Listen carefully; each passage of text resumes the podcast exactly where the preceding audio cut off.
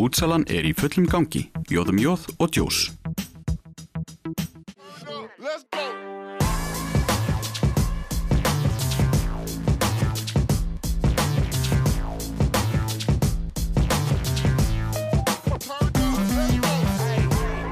Já, komið sæl og velkomin í taktíkina. Umfjöllunarfni í dag verða kraftlitingar og hinga til mín í settið er ég komið Íslandsmeistaran í kraftlitingum og íþrótta Karl Akureyrar 2018. Viktor Samuelsson, velkomin. Takk. Bara til, til að byrja með til hamingju með þennan titil Íþrótta Karl Akureyrar. Þú þekkir þetta samt, þú hefur verið Íþróttamaður Akureyrar þrjus og sinnum. Já, í þriða skipti núna. Uh, 2015 og 16 og svo núna 2018. Þú veist að segja við mig hérna fyrir viðtalið að þú ættir ekki sérstaklega vona á þessu. Nei, ég er svona, uh, ég kannski bara fylgjast með mínu sporti og er mjög lítið að fylgjast með öðrum íþróttum. Þannig að það hefði ekki komið neitt óvart ef einhver annar hefði verið með góðan árangur á árinu og, og hefði unnið sko. Og svo spilaði líka inn í að þú varst ekki alveg nógu sáttur með svona hvernig það gengi undir, undir lok Nei. árs og það kemur svona keppniskap í þér inn. Já, það kannski svona litar allt árið svona, svona lokin að í. Þannig að ég einhvern veginn bara, mér fannst þetta að vera svo, svo ómerkilegt á mig þá. En ég er mjög glæðið með þetta samt sko. Og ganga illa á heimsveistaramótinu það þýðir áttunda sæti samt. Já, áttundasæti og, og það, er, það er mjög stutt á milli sæta þannig svona frá fjóruða og niður í alveg tíunda sko. Þannig að það þarf, það þarf lítið að klikka til þess að maður færi niður um mörg sæti eða upp sko. Þessi stóru mót á, á árinu það er þarna EM, þú Já. ert þar í, í fjórða sæti Já. Og Western, Western European Championship. í vestur, vestur Evrumót. Já, og svo er það HM, það er áttunda sæti þannig að ef við Já. lítum yfir allt árið þá er þetta nú mjög góður árangur. Já, já, þetta er, þetta er, þetta er fínt sko. Ég bara kannski hafði meira svona, svona væntinga til sjálfsmín sko. Þannig að maður er ekkert alveg, ekkert sáttur þegar það gengur ekki allt upp. Síðan lítum við yfir þessar helstu greinar í kraftitingunum, backpressan, réttstöðu, liftan og hnébegjan. Já. Þar í samanlöðu þá ert þú í, í 1010 kílóum og Já. síðast þér í aðtöða þá er það bara tonn. Já, og, og aðeins yfir mér. ég hef alveg tekið tónnið oft áður sko, en það er hérna, uh, já, svo, svo er svona ekstra mikið barótt að komast, komast yfir það sko, svona þegar maður er komað á þennan stað. Og þessi 1010, uh, já, ég var að stefna miklu meira en 1010 sko, þannig að maður er kannski ekki heldur sáttu með það, en, en, en svona eftir það þá, þá er þetta fínt. En er þetta ekki einmitt hugafæri sem að þarf til þess að ná langt bara almennt í íþróttum að, að maður er kannski ekki endilega sáttur, maður setur sér ákveði markmið og er ekki sáttur nema á Jú, þeim. algjörlega. Og, svona, og, og margir sem að kannski ná einhverju markmiðum og svo verður svona spennufall og svo kannski, kannski margir mánuðir að ár þannig að menn svona koma, ná haus aftur sko. En að lifta tonni, sko, ég er að reyna að ímynda mér þetta og, og á bara alltaf erfitt með það, þetta lítur að vera til lítið álag á allan líkamann. Já, þetta er það sko. En maður alltaf, maður byrjar á kannski 700 og svo, eða eitthvað miklu minna það. 500 og svo 600 og svo 700 og þetta er allt svona, þetta byggir upp hægt og rólega. Ég kefti fyrst fyrir alveg 10 árum síðan, þannig að þetta er búið að vera langur tími sem maður að taka að komast á þennan stað. Þú er búin að vera lengi í þessu sporti eh, til ég segja okkur hans frá því. Hvernig, hvernig komst þú inn í þetta sport? Uh, ég var, ég var að handbólta og byrjaði að lifta bara svona, bara sem krakki með, með mömmu og, og svo sjálfur þegar ég var, var 15-14 og, og svo einhvern veginn fór bara, fannst mér skemmtilega að fara á liftingaræfingu heldur en að fara á handbóltaæfingu og svo hætti ég handbóltanum bara þegar mér langaði að einbetta mér að því að lifta. Ekkert, var ekkert að spáði að keppa neitt sko, bara mest að gaman. Og, og svo bara var ég ágættur í því uh, allavega þá sko, ég veit ekki hvort ég væri, væri eitthvað efnilegur í dag svona ef ég verið með tölunum sem ég var með sem krakki en já, svo bara hægt og rólega uh, held ég áfram að keppa og næsta mót og næsta mót og svo búið að keppa erlendis og, og svo hefur þetta bara verið núna mitt líf í tíu ár snýst allt um þetta Þú verður svona ákveðin stígandi og, og hérna á Akureyri líka, það búið að vera síðustu ár mikil stígandi í kraftlýtindika félagi Akureyrar. Já, algjörlega. Það er hérna bara stoltur af þessu félagi. Við erum búin að byggja þetta upp svona í sammenningu og, og komið á fína staða núna. Og alltaf, að- alltaf ganga betur og betur og krakkar sem, sem byrjuði að æfa hjá okkur og voru ekki að gera neitt á undan. Eru núna komin á svona að fara að keppa alþjóðlega og það er gaman að svona sjá uppskjöruna. Þegar þú ert að tala um krakka og úlingastarfi í kraftlýtingum, hvernig, hvernig byrjar maður á að þjálfa krakka í kraftlýtingum? Uh, sko það eru rosa margir hérna krakkar sem kannski finna sig ekki öðrum íþróttum. Þeir svona tínast inn og þetta er svona, ég veit, maður er kannski upp svona áhugan hjá þessum krökkum bara. Fyrst bara kenna þeim að beita sér og hvernig þeim að hreyfa sig. Og svo svona, kannski finnst allt í hennu, erum við að æfa í nokkra mánuði og taka kannski veist, 40 kg backpressu eða eitthvað og, og þeim finnst það á bara merkilegt. Og svo langar að taka 45 næst. Og já, svo bara kolla kolli. Svo, svo bara svona, það er ákveðin svona karakter sem festist í þessu. Þetta er svona eins og í sko, crossfitinu og þessum rauna íþróttum, þú sérð framfæriðnar bara svart á hvít á blæðinu, þú liftir aðeins meira en Já, síðast. þetta er bara er mjög erfitt að það er ekkert hægt að ljúga sjálfum sér nema þú segir sjálfum þig bara að þú er átt slæma dag eða eitthvað en, en þetta er alveg svart og hvítu hvernig, hvað þú ert að gera sko. En það er mikilvægast í þessu, það eru undistöðunar að beita sér rétt. Já, sérstaklega svona að, að kenna krökkum hvernig og það er enginn að spá inn einu þingdum. Ég er að þjálfa, ég er með, með krakka æfingar tvisar í viku sem ég þjálfa sjálfur og við erum ekkert að spá inn einu þingdum, þetta er bara að þú náir að, að, hérna, læra hvernig þú ert að hreyfa þig og hvernig þú ert að beigja þig niður og, og bara fyrir allt, bara hvað sem er. Þegar við tölum um krakka þarna, hvaða aldur eru það að tala um? Þetta er alveg 11 til 13 ára krakkar og sumir yngri og eldri krakkarnir kom oftast í bara með fullanda fólkinu. Og þetta er það sem þú gerir, þetta er þín atvinna, er að, að þjálfa og, og þrýfast þarna upp í kraftlýtingafélaginu. Já, þetta er hérna eitthvað sem ég hef gert bara núna í 5-6 ár sem er bara snilt, gaman að hérna að gera eitthvað svona. Ekki bara vera að vinna í búð ykkur þar. Og það var mikið eins og á þessu ári, það var Norrlandamót hérna á, á Akureyri og, og þú komst aldrei mikið að þessu móti. Já, við vorum svona kraftlíkafélagi sáum þetta allt saman. Uh, og það þarf að, hérna, við erum mikið meðnitt svona keppnisvöll þannig að það þarf að flytja all, öll lóðin og alla rekkana og keppnispallin það þarf að flytja það allt og það, það er bara að gerast á einu sólaring sem það þarf að búin að flytja og setja allt upp. Þannig að það hérna voru margir mjög þreyttir eftir þetta mót ekki bara keppindir Og þar á meðal þú, þannig varst þú í svolítið öðru sér hlutverki. Já, þarna var ég, þetta, er, þetta var úlingamót þannig að ég var komin upp úr því þannig að ég var bara að setja upp þarna langt fram á nótt og svo byrjuðum við um morgunin klukkan 8 og vorum til 8 eða eitthvað að hérna hlaða pönnum á stöng og tók, tók mjög á. Það er 25 kíló plötur alveg bara trekk í trekk Já, allan daginn. bara eins, eins hratt og hægt er sko. En það voru, vorum með bara góða, mjög góða sjálfbóðaliða og, og hérna, það hefði aldrei gengið upp það bara verið ég og tveir aðri sko. Það var alveg, þetta var alveg góður hópur sem að, sem að hjálpaði hana til.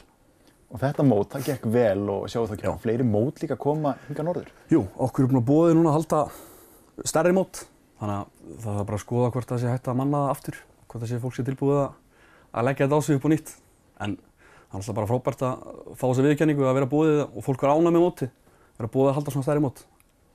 Þú, eins og segir, þú lifir og, og hrærist í þessum heimi þarna upp í kraftlýftingafélagi.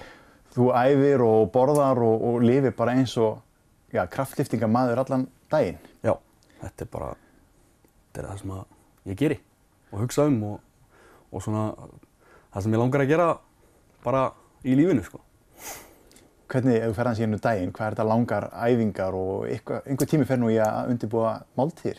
Já, þetta er bara, ég fer hann á æfingu oftast klukkan 10 uh, til 12 svo fer ég heim og elda með mat til svona rúmlega 1 og svo fer ég aftur upp í, upp í kraftlingafélag klukkan halv 3 og er að þjálfa og þrýfa svo tek ég æfingu sjálfur um kvöldið þannig að þetta eru alveg, alveg 5 tímar á æfingum rúmlega það á dag sko og svo, svo kannski daginn eftir er, er bara létt æfing til þess að jafna sig og svo aftur daginn eftir svona langu dagur Og matur sem þú ert að borða, þetta er nú ekkert megrunnar fæðið, þú lítur að þurfa að borða daldið vel. algjörlega. Ég þarf að hérna, ég verði eignað einhvern veginn í kringum svona, svona 5.000 hittæningar uh, og, og svona ef ég fer eitthvað fyrir neðan það, þá léttist ég frekar hratt og hérna er búin að vera léttast núna svolítið hérna síðan, síðan að síðasta kemnisári lauk, þannig að ég þarf svona að vinna mig upp aftur. Þetta er náttúrulega einstaklingsýþrótt, þannig að þú, já, þú getur bara treyst á, á sjálfa þig og, og það sem þú gerir. Já, maður þarf svolítið að hérna, þarf svolítið að hérna, taka þetta í hendurna sjálfur, en ég er með alveg, ég er með góða þjálfara og bara kraftlíka félagið sér mjög vel um mig, sko. Þannig að ég er alveg, ég hérna, held ég hafi það miklu betur en margir aðrir sem er í, er í svona einstaklega íþróttum, sko. Og eins og hópiþróttunum, sko, þó maður svindli aðeins sjálfur á sjálfum sér á mataræðinu, á sefnunum, þá er liðið til þess að bakka mann upp, en þegar að þú svindla þá kemur það bara niður á því að þú ert ekki að lifta eins vel. Já, en ég veit að líka ef mér gengur vel að þá gekk mér vel, ekki í neinum öðrum, sko. Ef við horfum aðeins yfir næsta ár, þú lítur að, að setja þér, já, einhver ákveði markmið. Já, algjörlega. Ég er með svona tölur sem ég langar að taka. Ég var aðalega að spá í því, ég lítið að spá í svona hvar það kemur mér á pall sko. Það eiginlega bara kemur í ljósa mótstag, maður veit aldrei hvaða keppmyndu mæta og hvernig þeim gengur. Sumir meðast og sumir að góðan dag og slæma það. Þannig að ég myndi frekar bara, ef ég tek mína tölur og enda í tíundasætti þá er ég alveg að sáttur og sko, ef ég myndi lenda einhverju, einhverju ofar sko. Þannig að hver setur þessa tölur? Er þetta bara þú eða Já, þú og þjálfarinn? ég og, og svona þjálfarinn minn, við gerum þetta saman sko. En þetta er, já, ég veit hvað mér langar að taka. Þannig að ef hann myndi segja mér að taka eitthvað minna þá myndi ég, ég veit ekki hvort ég myndi að hlusta á hann en ég myndi, kannski sko. Er þetta mörg mót yfir árið sem stefnir á? Uh, nei, ég, ég hef alveg keft sko miklu oftar en, en það er aðalega kannski bara svona þegar maður er að, þegar maður er að reyna að byrja og, og sanna sig einhvern veginn og maður eigi réttindi á, eða svona, eigi erindi á þessi mót, þá kannski kepp maður oftar. Og, og hérna, og svo maður meira núna bara að reyna að toppa á þessum, þessum stóru mótum, EM og HM og svo tek ég Íslandsmótið og, og kannski svona einhver minni mót bara inn í bara æfinga uppkesslu á þess að taka neina kvíld eða, eða stefna neitt sérstaklega á það sko. Svo er eins og með þetta sport, þetta litast dálítið af ákveðnum fordómum og, og við sem að fylgjast kannski minna með erum að ruggla þessu saman, það er þarna sterkasti maður heims og svo er crossfit og fitness og kraftlýtingar. Þetta er bara margt uh, ólíkt og ekkert, ekkert sömu íþrótunar. Nei, alls ekki. Þetta er hérna, margt, margt, margt skilt með þessum, með þessum hérna greinum. Eru, það er mikið ólípískum inn í, í crossfitinu og, og mikið af bara svona, fólk sér bara lóð og, og tengir þetta allt saman, saman í eitt graut sko. En já, þetta er, þetta er eins ólíkt og, og handbólti og fótbólti þó þessi bolti í báðu sko. Og í þínu sporti það er livjaprófa og það er livjaprófa mjög reglulega. Já, þetta er bara undir uh, uh, íþrótta og olíbíusambandinu, bara eins og allar aðrar íþróttir sko. Ekki kannski, ekki crossfitið, ekki afbröðuninnar, olíbískar kraftlingar eru, eru inn í þessu.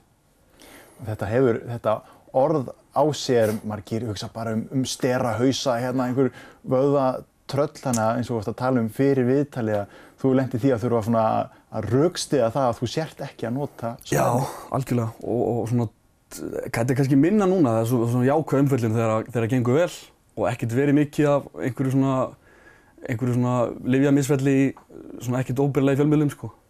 Og, og hérna, en já, til að byrja með þá þurftum maður mikið svona, og bara fyrir mömmu og pappa, svona útskýr fyrir þeim hvað þetta væri sko. Þau tengdi þetta bara við einhverja svona, einhverja, einhverja stóra kalla sem voru að styrum sko.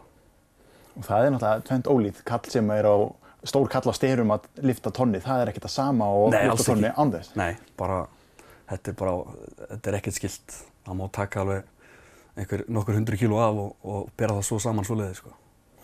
En núna, þú ert áttundi á, á heimslistanum, ef þú ferð aðeins yfir þetta, hvað þýðir það? Uh, ég held ég verið í fimmta seti fyrir það, þannig að þetta þýðir bara að ég þurfa að koma mér óvar, sko. Ég er hérna, já, mér langar að vera heimsmeistari og ætla að vera heimsmeistari áður en að ég, hérna, reyna að hugsa um hvað ég ætla að gera annað í lífinu, sko. Þannig að ég þarf bara að mjaka mér upp listan hægt og rólega og bara að halda áfram að einbytta mér að það sem ég er að gera. Mæta svo bara á mót og það kemur í ljós hvað það skila mér. Ég er full að trúa að ef ég, hérna, legg mér alla fram, þá mun ég vera bestur, sko. Aldurinn í þessu sporti, einhvern tíma hljóta nú liðirnir og það að fara að segja eitthvað Já, en hann er nú ansi, ansi langur samt, sko. Já, Það er alveg, menn bara toppa milli 30 og 40, sko. Svona, í, svona meða við það sem er núna, sko. hann er þú út nóg eftir. Ég á nóg eftir og hérna myndi halda áfram hvort sem að ég ætti nóg eftir eða ekki, sko. og stefnir langt. Algjörlega.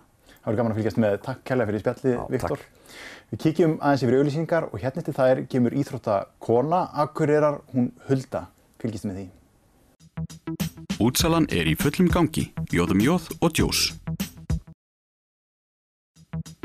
Útsalan er í fullum gangi. Jóðum jóð og djós.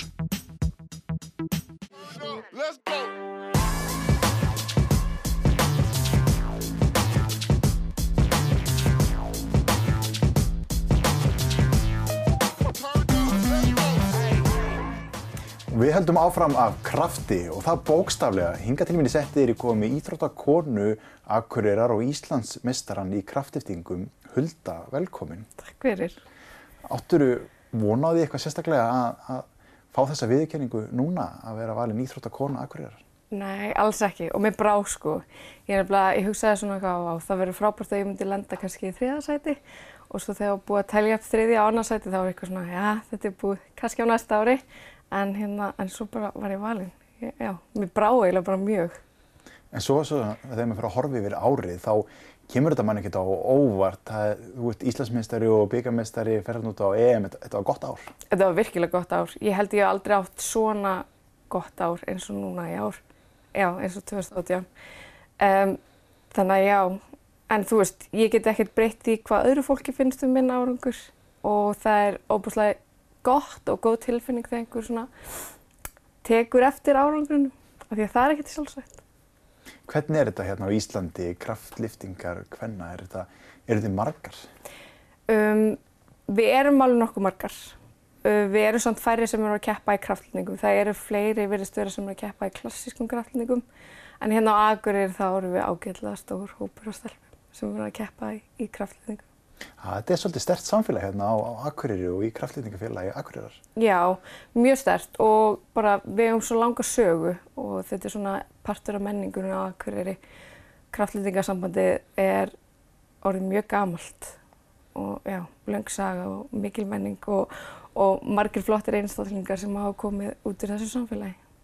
En þú varst ekki að byrja að lifta neitt í gær, þú ert búin að vera í þessu líka í nokkur ár. Já, ég byrjaði að keppa 2011, byrjaði ekki að æfa fyrir bara í lók 2010, keppti á fyrsta mótur í 2011 og svo var ég ólétt 2013 og hérna og átti í februar 2014 og byrjaði síðan að æfa um mitt árið 2014 aftur. Þannig að ég er búin að vera svona streyt í þessu svona í næstu fimm ár. og frábær árangur náttúrulega þegar maður horfið til þess að, að þú tekur hann þessa pásu og, og kemur tilbaka Já. sterkari. Já, og rosalega mikil vinna sem hefur hérna, verið í því að hérna, koma aftur eftir barspurði. Ég held að ég hef verið fyrst í svona tvö árin bara eiginlega jafna mig og, og koma mér upp í að geta æft almennilega. Þannig að gríðarlega álag á líkamann að eignast badn og, og svo eru kraftitingarna líka rosalega Já. álag á alla liði, liðamótin, vöðvana. Þannig að líkaminn lítur að þurfa tíma til þess að, að jafna sig. Já, einmitt. Við vinnum svolítið með svona það sem kallast voljúm og þá sagt, byrja maður bara sagt, með lítið voljúm og svo stækka maður voljúmi þannig að mitt voljúm var rosalega lítið til að byrja með og svo hefur það bara stækkað og kannski stækkað öðruvísi en, en hérna en hjá þeim sem að hafa ekki gengið með börn og svo leiðis. En ég finn alveg ennþá fyrir að ég hef gengið með börn, tvö börn með þessu. Þannig að hérna, já, það er svolítið öðruvísi að vera mamma og, og vera núna og, og það hlýtur að efla þig ennþá frekar og, og markmiðin fyrir næsta ár hljóta að vera alltaf já, flott. Já, þau eru, já, um, bara mjög svona hóvær markmið held ég. En hérna, en að fá svona viðurkenningu er óbúslega mikið áskorun. Núna veit ég að þú veist að það er verið að fylgjast með mér og, og ég þarf að passa upp á það að vera til fyrirmyndar og svo framvegis og, og nú, er, nú get ég ekkert bakka með þetta. Nú er bara, þetta er svona ákveði byrjunarskriff. Og líka bara viðurkenning fyrir kraftlingafélag Akureyrar að bæði íþrótta Karl og kona 2018 komi úr rauðum þessa félags. Já, uh, við erum alltaf búin að vera með óbáslega öflugt starf undanfarið ár og, hérna, og fá loksins, veistu þetta, klapp á baki og svona já, nú er þið loksins að uppskera. Það er náttúrulega mjög gott. Við erum alltaf búin að vera að vinna hart síðustu ár, sko.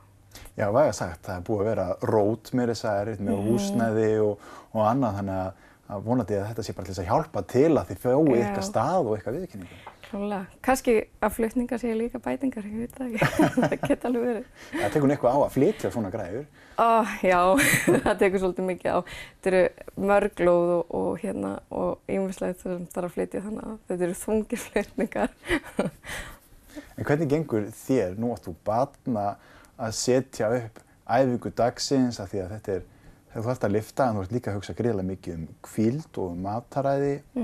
Þetta er vinna, að eiga batni líka hellingsvinna. Hvernig, hvernig er dagurinn? Ég hef gott skipula og góða rútínu og hérna og það er bara, ég held að sé hérna, halda mér betur við efni að vera með þessa rútínu og vera með svona mörg verkefni. Þannig að ég vakna bara snemma og hérna og skipta æfingunum mínum í tvent. Þannig að ég æfi á mótnana og svo setjum partiðinn og, og svo bara tekið stelpina með svona og, og við vinnum bara saman í þessu. Hvernig byggir upp þessar æfingar?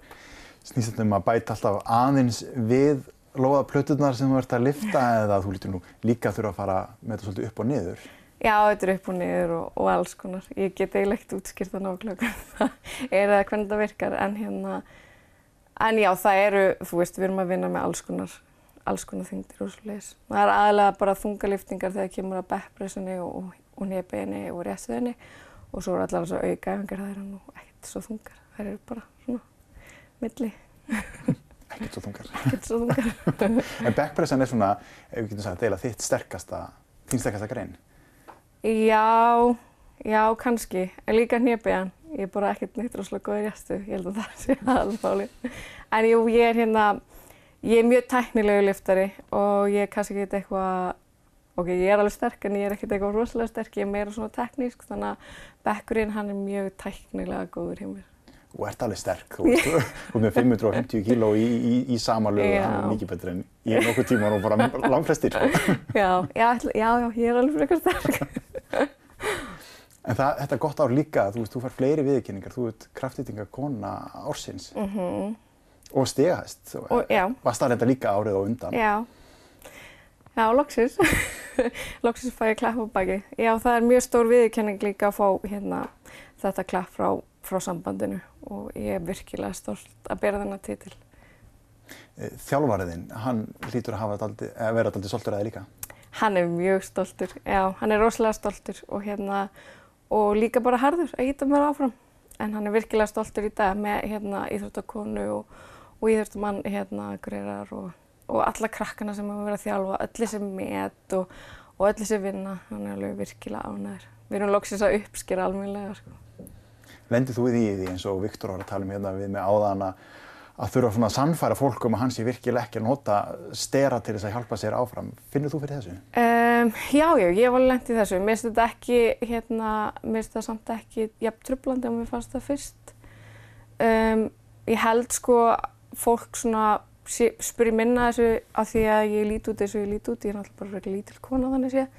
Um, ég er náttúrulega tveggja barna móðir, svo er ég vega núna það, þannig að ég held að fólk hafi minni e- efasemdir í dag. Ég lifi svona frekar svona hreinum lífstíl, þannig að Þú talaði um hennar lífstíl fyrst þú byrjar að tala um hann. Hvernig, hvernig gengur þetta upp að, að vera vegan og ná þessum árangri í kraftlýtingum? Um, gengur bara mjög vel upp. Þetta er ekki flókið, alls ekki. Ég er náttúrulega, það þurfa allir íþróttamenn og, og íþróttakonur að borða hotla og góða fæði og ég passa bara upp á það. Þannig að það er það eina, veist, þetta er ekki, ekki neitt flókið. Nei, þú getur fengið allt sem þú þart úr græmitisfæði. Já, bara alveg eins og að þeir sem að borða allt sko. Ég þarf ekkert að bæta neitt við frekar en aðrir en það er bara spurningin um D-vitamínu sem að allir þurfa að pæli og B12 sem að fleiri mætti pæli. Er þetta meiri undirbúningur sem fer í, í að undirbúa þetta fæði heldur en annað fæði heldur? Nei, það held ég alveg ekki.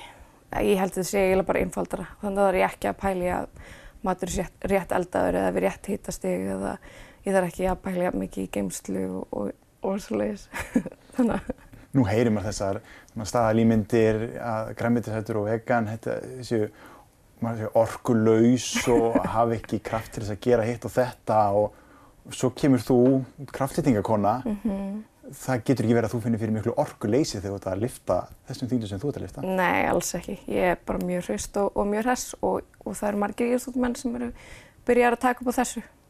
Þannig að Serena Williams, hún er örgulega mjög orkvíkil kona og hún er vegan. Þannig að fyrir þá krakka sem eru að horfa það er bara mikilvægt að borða græmiti sitt. Já, græmið ávisti. Ég held að það sé svona í forgangi til þess að ná árangur í þetta. Sko. Ef við förum aðeins og horfum fram á veginn eh, næsta ár hjá þér, hvernig, hvernig lítur þetta út? Uh, bara nóg að gera. Um, næst er byggamót. Um, svona uppáhaldsmót mitt það hefur nú alltaf verið í lok ásins en núna er það í byrjun ásins.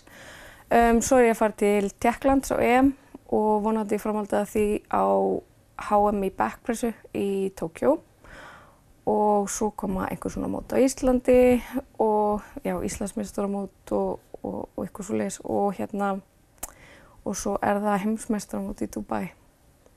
Það, ég er líka árun á því í nógumber. Þannig að þetta, það er rosalega mikil tækifæri í þessu, þú ert að ferðast út um allt. Hvernig með styrki þarf þetta að sjá um þetta sjálf að, að borga til þess að fá að fara þessi mót? Uh, hinga til hef ég svona, já, þurft að sjá um það sjálf. Ég hef fengi eftir ég náði lámörkum, hérna, sagt hef ekki þurft að borga undir með flug eða gistingu, en þó eitthvað sko. Um, en núna fæ ég sagt styrk af því ég var íþróttakona Akureyrar og það er þess að pæla kannski aðeins minni í þessu. En þetta er alveg, þú veist, ég var alveg til að fá fleiri styrki, það myndi hjálpa mér mjög. Þegar þú ert að lifta þessum þyngdum, já, verður aldrei stressuð um það að vera með svona mikla þyngdir á bakkinu eða, eða fyrir, fyrir ofan þig? Jú, ég er hérna, ég er bara mjög stressu týpa og hérna, og mjög hrætt alltaf við allt og alla breytingar og allt svo leiðis, mér finnst það eiginlega bara mjög hræðilegar þannig að það er kannski svolítið skrítið að, að ég sé að gera það sem ég er að gera en, en hérna, en ég held að sín líka svolítið að maður getur komist yfir svona þröskulda í persónuleikanum. Að hérna, að ég bara, já, reyna að telja sjálf mér trúum að þetta verði ekkert mál og svo er náttúrulega öll öryggismál í kraftlýningum eru mjög svona, já, ég er aldrei einn að lifta. Já, þess að þíndir eru kannski ekkit eins mikið fyrir þig sem ert að æfa þetta og veist hvað þú getur Mhm. heldur en fyrir okkur hinn sem að sjáum þessu tölu bara á einhver, einhverjum hundru kílóa. Já, það eru svona, það eru ákveðin múrar og ég hef alveg komist yfir ykkur á múra, þú veist, eins og að taka 100 kíló fyrst í backpressu, það var alveg, þú veist, ég var svo lengi í 97,5 sko. Og komast yfir 100 kíló var bara eitthvað svona klikkað sko. Og svo einhvern veginn kemst maður yfir þessar múra, maður er farin að þekkja þyngdina meira og, og við erum í raun og veru aldrei að fara í einhverja þyngdir sem er eitthvað svona brjálaðislega yfir vinnuþyngdir, þannig að hérna, og svo náttúrulega, það er alltaf einhver sem stendur fyrir aftamann og, og til liðar og svo leiðis og öryggistatíf og alls konar.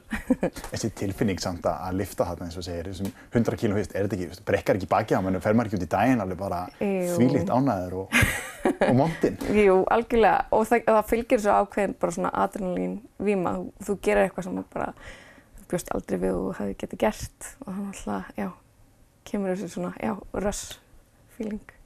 En svona eins og tala um þessi, þessi típa sem þú er svona að glíma við, við, við þetta stress eins og segir, uh, að mæta á svona mót, ferði inn í einhvern svona karakter, þú veist, að því að svo sér maður kraftlíkamenn er að öskra sig alveg í gegnum lyftuna.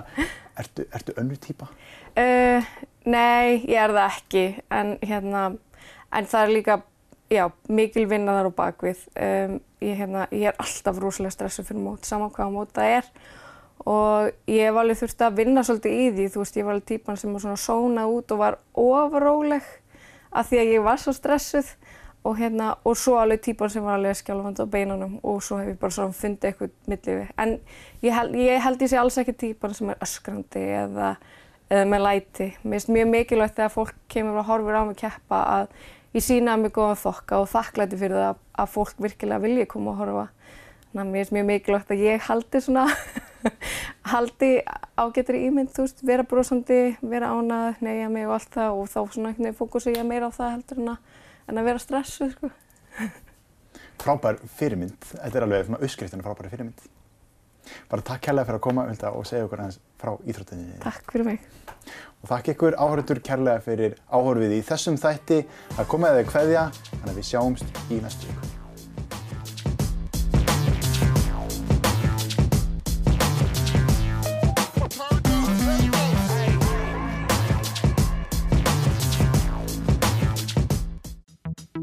Útsalan er í fullum gangi. Jóðum jóð og djós.